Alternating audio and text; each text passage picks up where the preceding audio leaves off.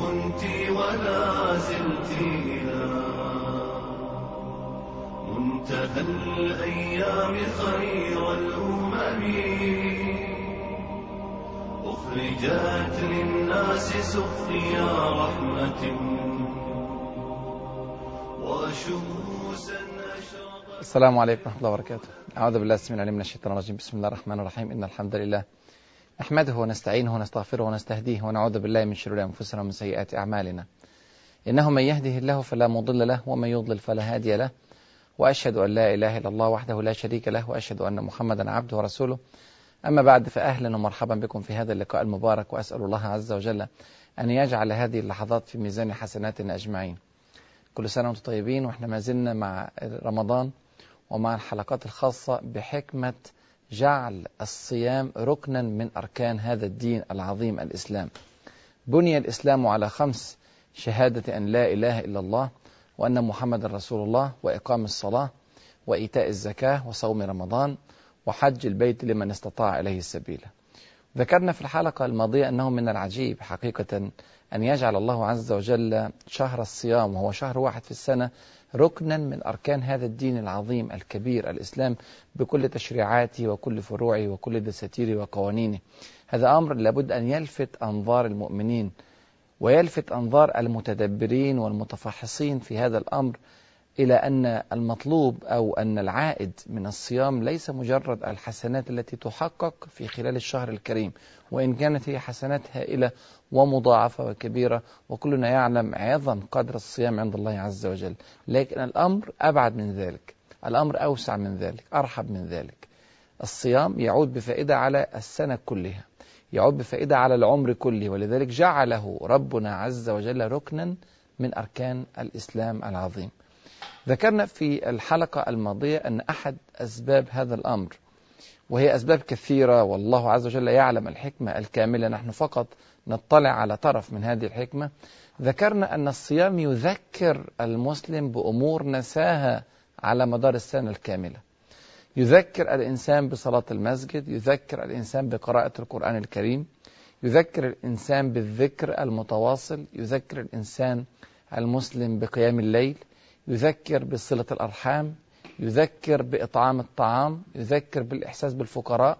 يعني أمور كثيرة نجد أننا نتذكرها بقوة في هذا الشهر الكريم. وممكن نخرج من هذا الشهر الكريم بزاد يذكرنا شهر واثنين وثلاثة ومن والذين عملوا بإخلاص وبجد في رمضان يتذكرون بقية العام. لحد شعبان من السنة اللي جاية. وعلى بال ما يبتدي يكون نسي شوية يجي رمضان جديد يفكروا من جديد وهكذا وهكذا. فيصبح هذا الركن أو هذا الشهر الواحد له أثر في التذكير بأعمال تعود بالنفع على مدار السنة وبالتالي يكون ركنا من أركان هذا الدين العظيم. دي واحدة اتكلمنا فيها الحلقة اللي فاتت. الحلقة المرة دي هنتكلم فيها على معنى جديد وعلى فلسفة جديدة من فلسفات هذا الصيام. تجعله ركنا من أركان هذا الدين. وقلنا قبل كده أن الحكمة الكاملة لا يعلمها إلا الله عز وجل لكن بنطلع على أطراف من هذه الحكمة في خلال التدبر في القرآن والسنة الكريمة الصيام يحدث أثرا ملموسا في الإنسان. الأثر ده أثر مادي ملموس بتحس بيه. إيه اللي بتحس بيه وأنت صايم؟ بتحس بالجوع بتحس بالامتناع عن شهوات معينة أحلها الله عز وجل لك في خارج فترة الصيام. تحديدا بتحس بالامتناع عن شهوتي. الطعام والشراب ادي واحدة. وشهوة الجنس أو شهوة اللقاء مع الزوجة وهذه هذه الشهوة الثانية. ودولة الحاجات اللي بنمتنع عنهم من صلاة الفجر وحتى غروب الشمس. طيب هذا الامتناع سببه إيه أو إيه فايدته؟ وليه يا ترى ممكن يكون ركن من أركان هذا الدين؟ إن أنا امتنع عن هذه عن هاتين الشهوتين الطعام والشراب وشهوة الجنس أمتنع عنها في خلال شهر فتصبح ركنا من أركان الدين كله من أركان الإسلام في طول السنة أو طول العمر. نرجع نراجع قصة الإنسان. قصة خلق الإنسان. الحقيقة يا أخوانا أنا عايز ألفت أنظار المشاهدين والمشاهدات الأمر في غاية الأهمية. لما ربنا سبحانه وتعالى يبدأ بشيء أو أو يجعل الإنسان يبدأ بشيء أول شيء أول ما خلق الله أول ما أنزل الله أول ما فعل في المدينة المنورة أول ما هذه الأشياء ليست عشوائية حاشا لله. الله عز وجل دينه محكم وشرعه قويم ورسوله صلى الله عليه وسلم موحى إليه. الحاجات اللي هي البدايات هذه بيكون من وراها حكم وفلسفات وفوائد وعبر لا تحصى ولا تعد.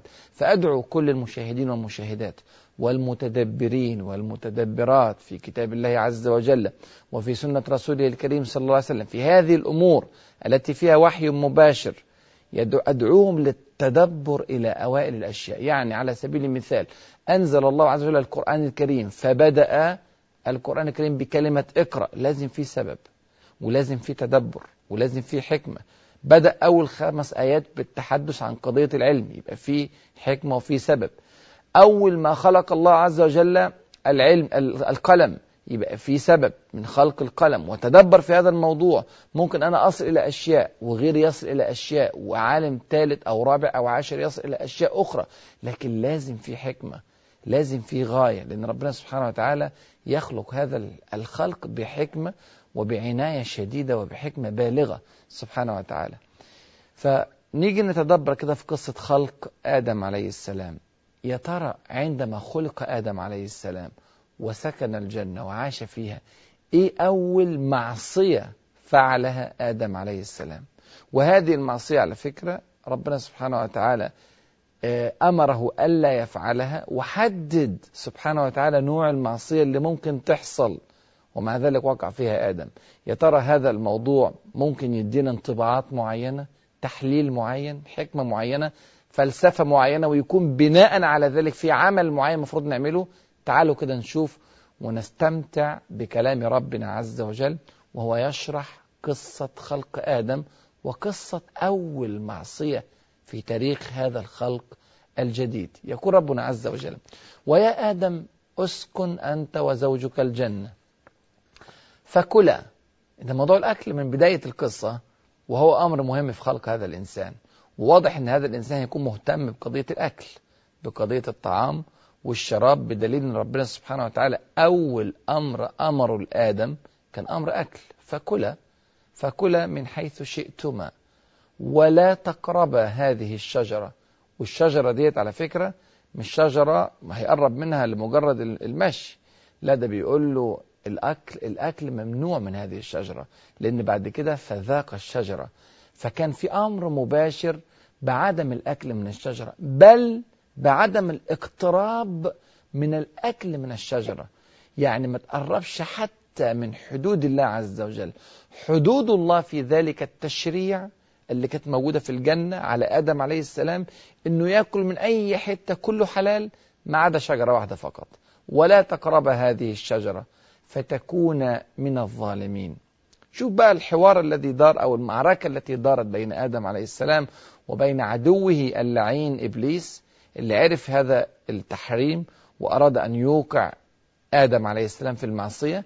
انظر إلى ما قاله الله عز وجل يصور هذا الصراع الذي دار بين إبليس والذي دار بين آدم والذي يدور الآن بين إبليس وأعوان إبليس وبين أبناء آدم عليه السلام وإلى يوم القيامة. فوسوس لهما الشيطان ليبدي لهما ما وري عنهما من سوآتهما هنا بنشوف ملمح جديد وخطير جدا. بطريقة أو بأخرى عرف الشيطان أن آدم إذا أكل من الشجرة ستبدو السوء. آدم قد غطاه الله عز وجل وغطى زوجته حواء عليها السلام. فغطى الاثنين. الاثنين لبس من الجنة. إن لك ألا تجوع فيها ولا تعرى وأنك لا تظمأ فيها ولا تضحى. فربنا لما دخلوا الجنة لبسه وستر عورته وستر عورة حواء وأكلهم من كل متاع الجنة حيث ما شاء. أي حاجة تطلبها من نفس نفسهم يكلوها في الجنة. فكلا منها حيث شئتما كما قال الله عز وجل. ولا تقرب هذه الشجرة. الشيطان عرف إن آدم لو أكل من الشجرة هتبدو السوءة. فهيضرب كده عصفورين بحجر زي ما بيقولوا. أول حاجة هيوقعه في معصية الأكل. والتي نهاه ربنا سبحانه وتعالى عنها الأكل من هذه الشجرة مسموح الأكل من أي شيء ما عدا هذه الشجرة. فهذه أول أمر. الحاجة الثانية ستبدو السوءة وبالتالي يقع في معاصي جديدة بعد أن يطلع على شهوة جديدة لم يكن قد وقع فيها قبل ذلك وهي شهوة الجنس.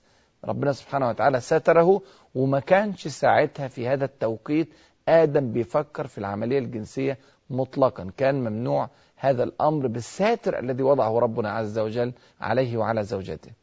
فوسوس لهما الشيطان ليبدي لهما ما وري عنهما ما غطي عنهما من سوآتهما. وقال ما نهاكما ربكما عن هذه الشجرة إلا أن تكونا ملكين أو تكونا من الخالدين. طبعا خداع. ربنا سبحانه وتعالى نهى عن الشجرة ولم يذكر له سبب النهي إنما على أدم الطاعة. وعليه السمع وعليه أن يسير في شرع الله عز وجل الذي أمره به. الشيطان جه يلعب بآدم عليه السلام ويقول له لا ده أنت في فوائد كبيرة جدا جدا من إتيان هذا الحرام ومن فعل هذا المنكر. وخلي بالك آدم كان مدرك أن هذا حرام لأن ربنا سبحانه وتعالى نهاه بوضوح والقضية كانت حاسمة. والشيطان نفسه بيقول له ما نهاكما ربكما. يعني آدم في هذا الكلام متذكر حتى من كلام الشيطان نفسه إن في نهي من ربنا سبحانه وتعالى. لكن إبليس اللعين حاول أن يقنع آدم أن وراء هذا النهي مصالح معينة متحققة لآدم ولذلك تجاوز يا آدم عن هذا النهي وقع في هذه المعصية. وهكذا يفعل الشيطان دائما مع من يقعون في حبائله في الدنيا. أنت بتبقى عارف كويس قوي إن النهي الذي نهاه لك الله عز وجل فيه مصلحة لك.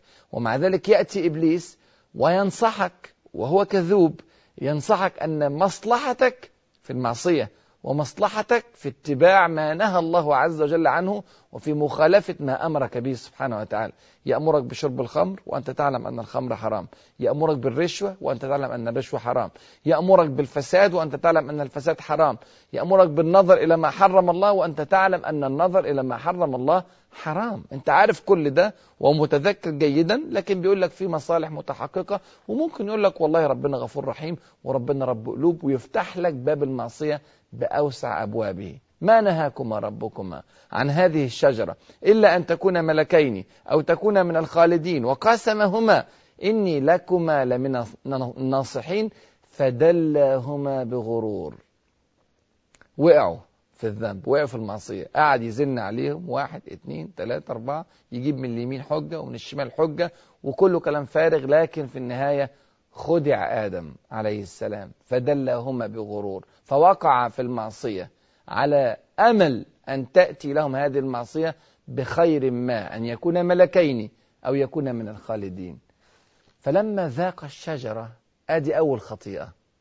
أول خطيئة في تاريخ هذا الإنسان أكل. هذا لابد أن نلتفت إليه. أول خطايا هذا الإنسان أنه اتبع شهوة الطعام فأكل من حرام. الحرام كانت الشجرة التي حرمها الله عز وجل على آدم وعلى حواء. والحلال كان كتير أوي أوي. كانت كل الجنة. فأكل منها. فذاق الشجرة. فلما ذاق الشجرة بدت لهما سوآتهما. طلعت مشكلة جديدة. دخل في مشكلة جديدة مشكلة شهوة الجنس. ظهرت له وبدت السوء له ولحواء. وحس إن في مشكلة وإن في أمر غلط. وطفقا يخصفان عليهما من ورق الجنة. وناداهما ربهما. بعد المعصية الإنسان بيندم. أنا ليه وقعت في المعصية؟ إيه اللي استفدته؟ أنا دلوقتي أنا مؤمن وعارف إن في بعث يوم القيامة وعارف إن في حساب وفي ميزان سيئات وميزان حسنات وفي الجنة وفي نار وفي وقوف أمام رب العالمين سبحانه وتعالى. ما منكم من أحد إلا وسيخاطبه ربه. ليس بينه وبينه ترجمان. فينظر أيمن منه فلا يجد إلا ما قدم. وينظر أشأم منه على الشمال فلا يجد إلا ما قدم. وينظر تلقاء وجهه فلا يجد إلا النار. الآن أنت تمر على الصراط النار تلقاء وجهه فيقول الرسول صلى الله عليه وسلم فاتقوا النار ولو بشق التمرة أنت عارف الكلام ده كله وعارف أثر المعصية. ومع ذلك وقعت في المعصية وأنت مدرك وجحدوا بها واستيقنتها أنفسهم ظلما وعلوا. فانظر كيف كان عاقبة المفسدين. فوقع آدم في المعصية وربنا سبحانه وتعالى عاتبه ونداه. ألم أنهكما عن هذه الشجرة؟ وأك... ألم أنهكما عن تلكما الشجرة؟ وأقل لكما إن الشيطان لكما عدو مبين. قال ربنا ظلمنا أنفسنا اعترف آدم عليه السلام ظلمنا أنفسنا. وإن لم تغفر لنا وترحمنا لنكونن من الخاسرين. قال اهبطوا بعضكم لبعض عدو. ولكم في الأرض مستقر ومتاع إلى حين قال فيها تحيون وفيها تموتون ومنها تخرجون. يبقى حتى مع إن آدم عليه السلام تاب لكن الذنب الكبير والعظيم وخاصة إن الحلال كان كتير قوي في الجنة والحرام كان حاجة واحدة جعل الله الله عز وجل ينزل آدم إلى الجنة إلى الأرض. قال اهبطوا منها جميعا بعضكم لبعض عدو. ونزل آدم ونزل إبليس مع آدم ودارت المعركة. وبداية المعركة كانت معصية أكل وأتبعت مباشرة بموضوع الجنس. وصار هذان بابان كبيران جدا من أبواب المعاصي ومدخلان من أكبر المداخل للشيطان إلى قلب الإنسان. يبقى ديت مشكلة إحنا المفروض إننا نخلي بالنا منها. دي أول معصية. وأدي العلاقة الوثيقة التي رأيناها بين معصية الطعام والشراب وبين معصيه الجنس اللي بعد كده الشيطان هيعمل منها مسارات كتيرة جدا جدا للإنسان ويأتي الصيام صيام شهر رمضان وصيام النفل بعد كده يأتي الصيام ليحذر الإنسان ويذكر الإنسان من المعصية الأولى شوف كده كلام الحبيب صلى الله عليه وسلم وهو يصف شهر الصيام ويقول صلى الله عليه وسلم الصيام جنة جنة يعني إيه جنة؟ يعني حماية حماية من إيه؟ هنشوف بعد كده. الصيام جنة فإذا جاء يوم صوم أحدكم فلا يرفث ولا يجهل وإن امرؤ قاتله فليقل مرتين إني صائم إني صائم. والذي نفسي بيده لخلوف فم الصائم أطيب عند الله عز وجل من ريح المسك. ثم يقول يدع الله عز وجل وهذا حديث قدسي يقول الله عز وجل يدع صيامه يدع طعامه. وشرابه وشهوته يدع طعامه وشرابه. ادي شهوة الأكل. وشهوته شهوة الجماع. يدع طعامه وشرابه وشهوته. من أجلي الصيام لي وأنا أجزي به. الصيام لي وأنا أجزي به. انظر إلى هذا المعنى. الصيام إذن يضع حائلا بينك وبين شهوتين أخرجتا آدم عليه السلام من الجنة. بداية المعصية البؤرة التي قامت عليها بعد ذلك معاص كثيرة سبحان الله الباب الذي ولج منه الإنسان إلى المعصية ونزل بسببها إلى الأرض وتتابعت بعد ذلك أنواع المعاصي وفنون الإغواء من إبليس لآدم ولأولاد آدم عليه السلام بعد ذلك وإلى يوم القيامة كان منشأ هذا الكلام. الأكل من الشجر الحرام الأكل الحرام. وكان منشأ هذا الكلام أن الشيطان يريد أن يظهر للإنسان سوءته وعورته. انظروا الآن إلى أعوان الشيطان في الدنيا. أعوان الشيطان في الدنيا يغرونك بالأكل الحرام ويغرونك بالشهوة الحرام شهوة الجنس الحرام. وشوفوا إعلانات التلفزيون وشوفوا البرامج التوك شوز وشوفوا الشوارع وشوفوا كذا وكذا وأزياء بيوت الموضة والأزياء الكثيرة. بتضغط على معنى معين. اتكلمنا على موضوع الطعام الحرام وعلى الرؤية الحرام قضية الجنس وقضية الإباحية والمجون والفجور في كل أوقات السنة. ويزيدون من ذلك في شهر رمضان. الشهر اللي ربنا سبحانه وتعالى عمله عشان يفكرك بالخطيئة الأولى. التي وقع فيها آدم وبالأزمة الأولى التي وقع فيها الإنسان وبالنزول الأول إلى الأرض حتى تعود يا إنسان إلى الجنة التي خرجت منها لابد أن تتذكر هذه الأمور أن أباك آدم عليه السلام خرج من الجنة بسبب شهوة الأكل وبسبب شهوة الجنس. ما هو الطعام الحرام؟ الطعام الحرام إما حرام في أصله يعني النوع نفس الطعام اللي بناكله حرام زي ما ربنا سبحانه وتعالى قال على سبيل المثال في القرآن الكريم حرمت عليكم الميتة والدم ولحم الخنزير إلى آخر الآيات. يعني الخنزير حرام في أصله حرام. في رمضان وفي غير رمضان هو حرام في أصله. والميتة حرام والدم حرام والخمور حرام. أكلات معينة حرمها ربنا عز وجل وهي أكلات قليلة للغاية بالقياس إلى ما أباحه الله عز وجل.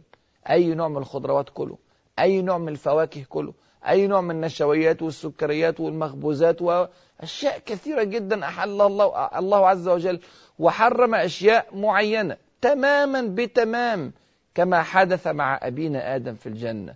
أحل له كل شيء فكل من حيث شئتما ولا تقرب هذه الشجرة. فتكون حياتنا على الأرض محاكاة لما كنا فيه في الجنة. وتكون عودتنا إلى الجنة مشروطة بالنظام الذي وضعه ربنا عز وجل في الطعام والشراب. فهذه الحرام الطعام الحرام أول نوع منه هو الحرام في أصله. الطعام الحرام الثاني ودي مهمة جدا هو الطعام الحرام الحلال في أصله ولكن حرمه ربنا لأن مصدره حرام ثمنه حرام خدته من حرام رشوة. فلوس حرام فساد سرقة أي نوع من المال أكل مال اليتيم ميراث حرام أي شيء. مال جالك حرام واشتريت بيه أكل حلال رحت اشتريت بيه لحمة اشتريت بيه خضار اشتريت بيه فاكهة.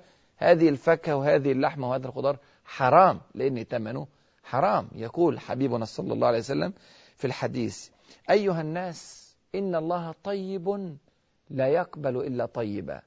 إن الله طيب لا يقبل إلا طيبا ثم قرأ الله صلى الله عليه وسلم وإن الله أمر المؤمنين بما أمر به المرسلين فقال يا أيها الرسل كلوا من الطيبات واعملوا صالحا إني بما تعملون عليم.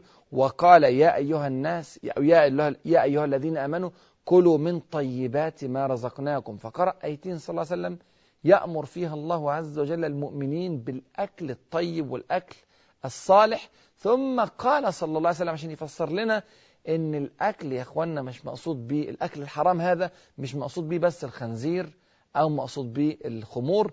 قال صلى الله عليه وسلم ثم ذكر الرجل يطيل السفر أشعث أغبر يمد يديه إلى السماء يقول يا رب يا رب ومطعمه حرام. ومشربه حرام وملبسه حرام وغذي بالحرام فأنا يستجاب لذلك. يصف لنا الرسول صلى الله عليه وسلم حالة إنسان مستجلب في الأصل كل أسباب استجابة الدعاء. أشعث أغبر يطيل السفر. كلنا عارفين الإنسان لما يكون في السفر فدعاءه في السفر مستجاب. فهو الراجل مستجلب لهذا الموضوع. راجل سافر سفر طويل أشعث أغرب في هيئة بس أغبر في هيئة بسيطة وربنا سبحانه وتعالى سبحانه وتعالى يستجيب لمثل هذه الحالة. ويمد يديه إلى السماء أيضا يستجلب الدعاء الذي كان عليه صلى الله عليه وسلم كان يرفع صلى الله عليه وسلم يديه إلى السماء إذا دعا الله عز وجل. فهو في شكله وفي هيئته مستجلب كذلك لأسباب الاستجابة. وفوق ذلك يكرر ويلح على الله يا رب يا رب قالها مرتين فهو يلح على الله. ومع ذلك عنده أحد موانع الإجابة الكبرى. مطعمه حرام ومشربه حرام وملبسه حرام وغذي بالحرام. أكله كله حرام. أن يستجاب لذلك مع أن عنده كل أسباب الاستجابة قبل ذلك إلا أن الله عز وجل لا يستجيب لمثل هذا الدعاء. فذكر حبيبنا صلى الله عليه وسلم أن هذا الرجل كانت مشكلته الأكل الحرام. الأكل الحرام يعني مصدره جاي من حرام. إذا الطعام الحرام الذي نهانا عنه ربنا عز وجل في حياتنا كلها منذ أن كلفنا وإلى أن نموت في شريعة هذا الدين هو الطعام الذي في أصله حرام زي الخنزير والخمور وغيرها والذي كان في مصدر ماله حرام المال ده جاي من حرام من رشوة من فساد من غيره من أسباب الاكتساب الحرام وقد حددها ربنا عز وجل لنا في الشرع الكريم وهي معروفة. الحاجة الثانية إن الصيام يا اخوانا يمنع من شهوة الجنس. وقال ذلك حبيبنا صلى الله عليه وسلم تصريحا زي ما شفنا في رباط. ما بين الطعام والجنس في قصة خلق آدم عليه السلام وأن الشيطان أراد أن يخرج آدم من الجنة عن طريق إيقاعه في شهوة الطعام والأكل من الشجرة ثم أن تبدو لهما السوء بعد ذلك فيقع في بعد, في بعد ذلك فيما هو متعلق بشهوة الجنس. قال حبيبنا صلى الله عليه وسلم يا معشر الشباب من استطاع منكم الباءة فليتزوج ومن لم يستطع فعليه بالصوم فإنه له وجاء. يأمرنا صلى الله عليه وسلم أو يأمر الشباب الذين يريدون أن يقعوا في أو الذين يريدون أن يفعلوا أمور الجنس وهي شهوة موجودة في داخل الإنسان. تزوج. تزوج حتى تقضي حاجتك فيما أحله الله عز وجل. فإن لم يتيسر لك الزواج لك سلاح الصوم تدافع به عن نفسك. فعليكم بالصوم. فإنه لكم وجاء. وجاء يعني وقاية وحماية. فيحميك الصوم من الوقوع في الزلل. إذا سبحان الله الصيام يا إخواني يمنع الشهوتين اللتين ركز عليهما الشيطان في بداية قصة صراعه مع الإنسان. قصة الصراع الأول نواة المعصية التي بنيت عليها بعد ذلك أنواع مختلفة من المعاصي. على مدار السنين كل سنة الشيطان يخترع لنا معصية جديدة. يخترع لنا فن جديد من فنون الإغواء.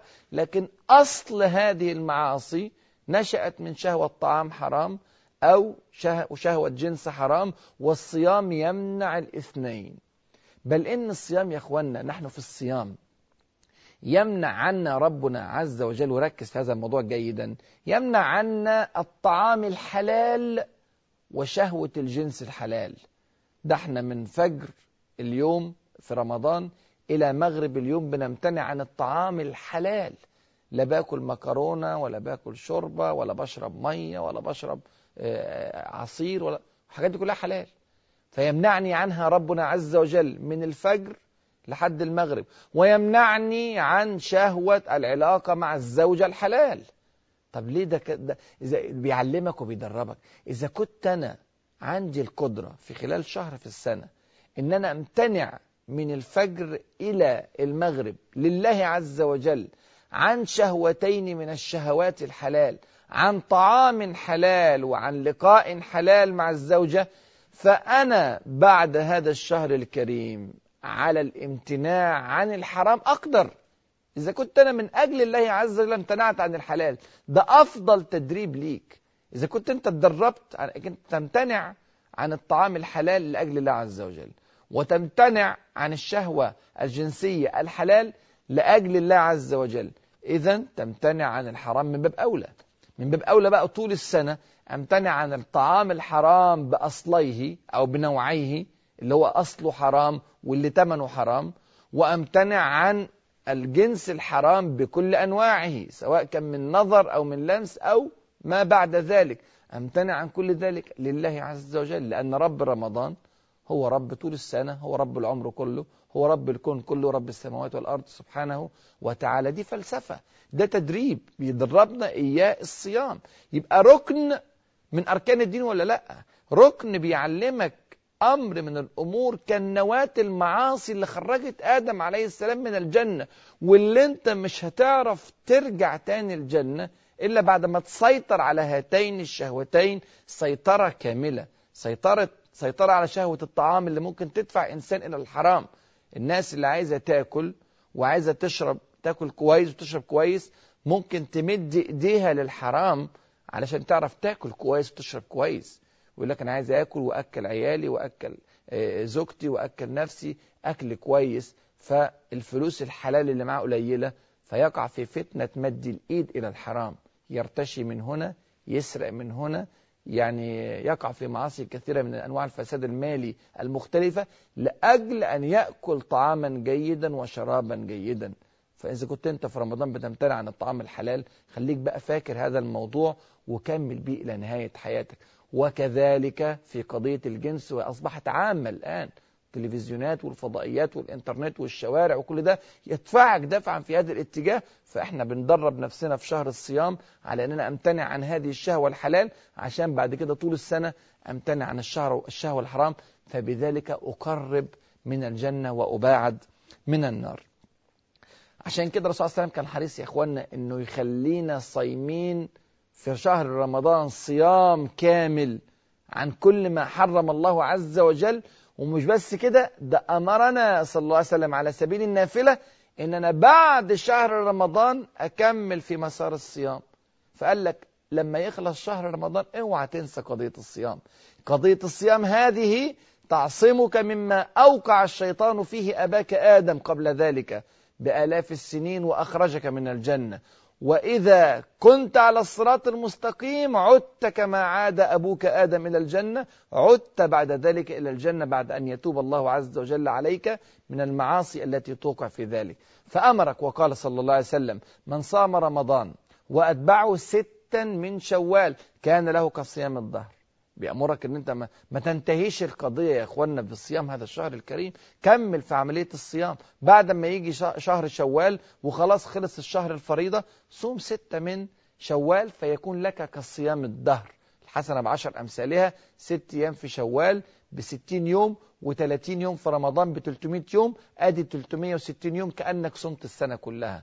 كان كصيام الدهر. ويأمرك أن تصوم ثلاث أيام من كل شهر كما يقول أبو هريرة أوصاني خليلي صلى الله عليه وسلم بثلاث لا أدعهن حتى أموت. إيه الثلاث حاجات دولت؟ أول حاجة صيام ثلاثة أيام من كل شهر. كان بيصوم 13 و14 و15 الأيام البيض. لو أنت صمت الثلاث أيام دول من كل شهر الحسنة بعشر أمثالها. فكأنك أنت صمت الشهر كله. ثلاث أيام من كل شهر وصلاة الضحى وأن أوتر قبل أن أنام. ادي ثلاث وصايا. الرسول صلى الله عليه وسلم وصاه قال له يا أبا هريرة لا تدع هذه الأمور حتى تموت.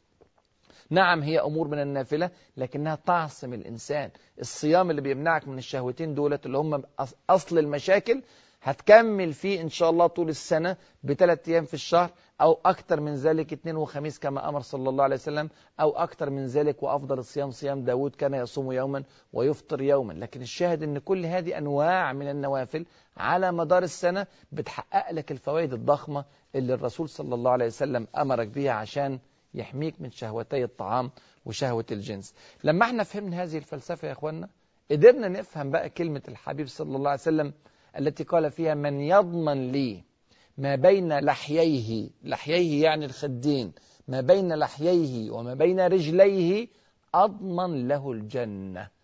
أضمن له الجنة. إيه هو اللي بين اللحيين؟ الفم. الفم بيعمل إيه؟ بياكل وبيتكلم. اللي يحمي فمه من الوقوع في المعاصي عن طريق الأكل أو الكلام. وإيه اللي بين الرجلين؟ بين الرجلين الفرج الذي يوقع في شهوة الجنس. فالذي يضمن للرسول عليه وسلم ألا يقع في أخطاء ثلاثة خطأين في الفم هو خطأ الكلام الحرام وخطأ الطعام الحرام والذي يضمن أن يق... ألا يقع في خطأ الشهوة الحرام شهوة الجنسية الحرام فإن رسول الله صلى الله عليه وسلم يضمن له الجنة. بما يوحي بمنتهى الوضوح أن هذه أصول المعاصي.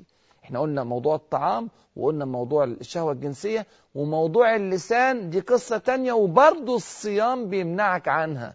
فإن سابك أحد أو قاتلك فقل إني صائم إني صائم. فلسانك كمان الصيام بيحفظه يعني بيعمل لك حماية مركبة. وهذا تفسير قوله صلى الله عليه وسلم قوله صلى الله عليه وسلم الصيام جنة. يعني حماية يعني وقاية. هذا بيحميك من كذا طريقة هون الحاجة الثانية اللي فهمناها برضو إن الرسول صلى الله عليه وسلم عايز يحافظ على حالة صلى الله عليه وسلم من الجوع لأن الجوع بيكسر هذه الشهوات طول السنة حتى وأنت مش صايم.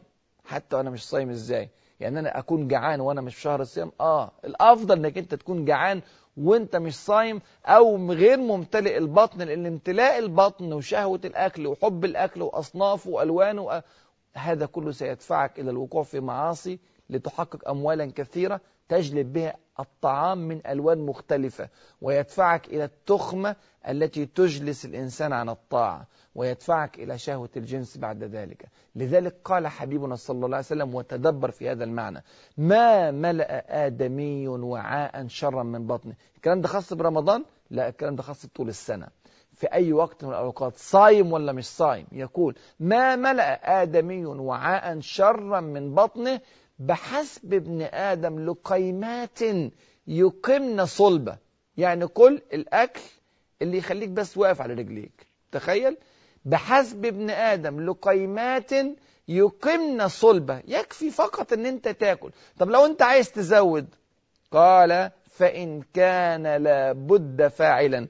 أو إن كان لا محالة فاعلا. وفي رواية فإن غلبت نفس الآدمي عليه. يعني أنت ما قدرتش, ما قدرتش تسيطر على حبك للطعام. قال فثلث لطعامه وثلث لشرابه وثلث لنفسه.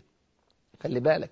يعني 33% للطعام و33% للشراب و33% للنفس. بيقول فإن غلبت عليك نفسك فإن كان لابد فاعلا. يعني الأصل أنه أقل من كده كمان. يعني 20% طعام أو 15% طعام أو 25% طعام.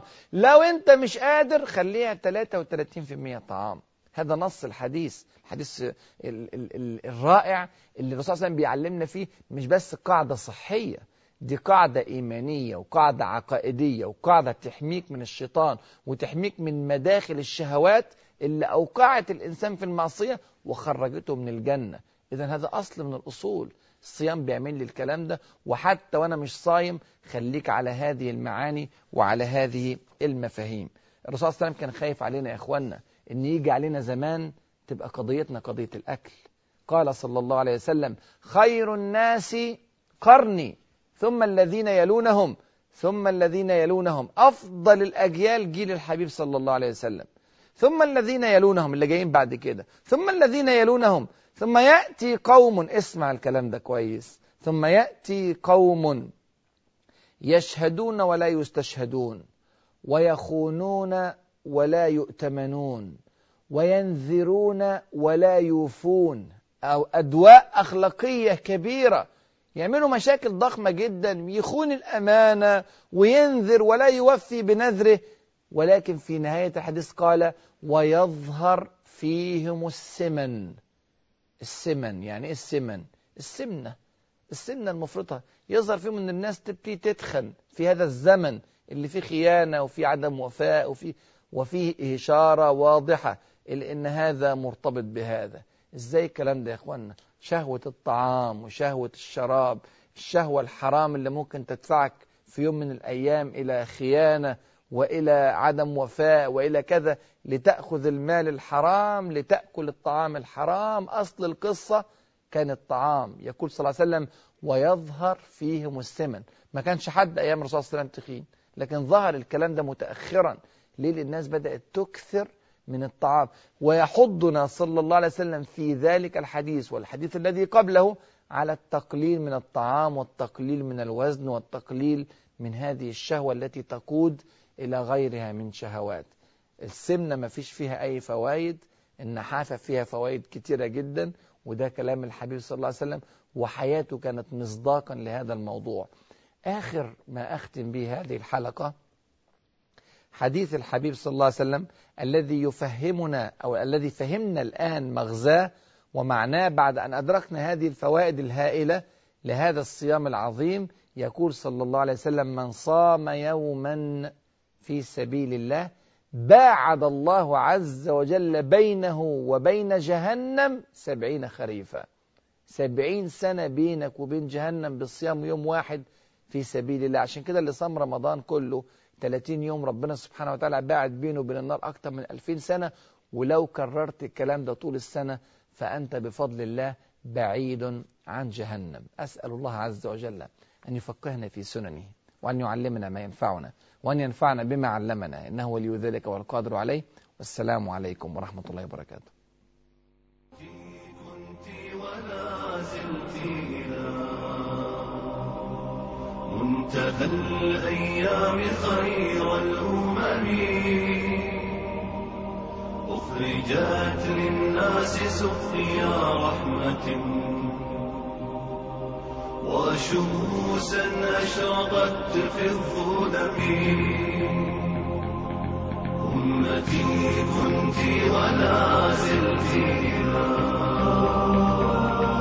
منتهى الأيام خير الأمم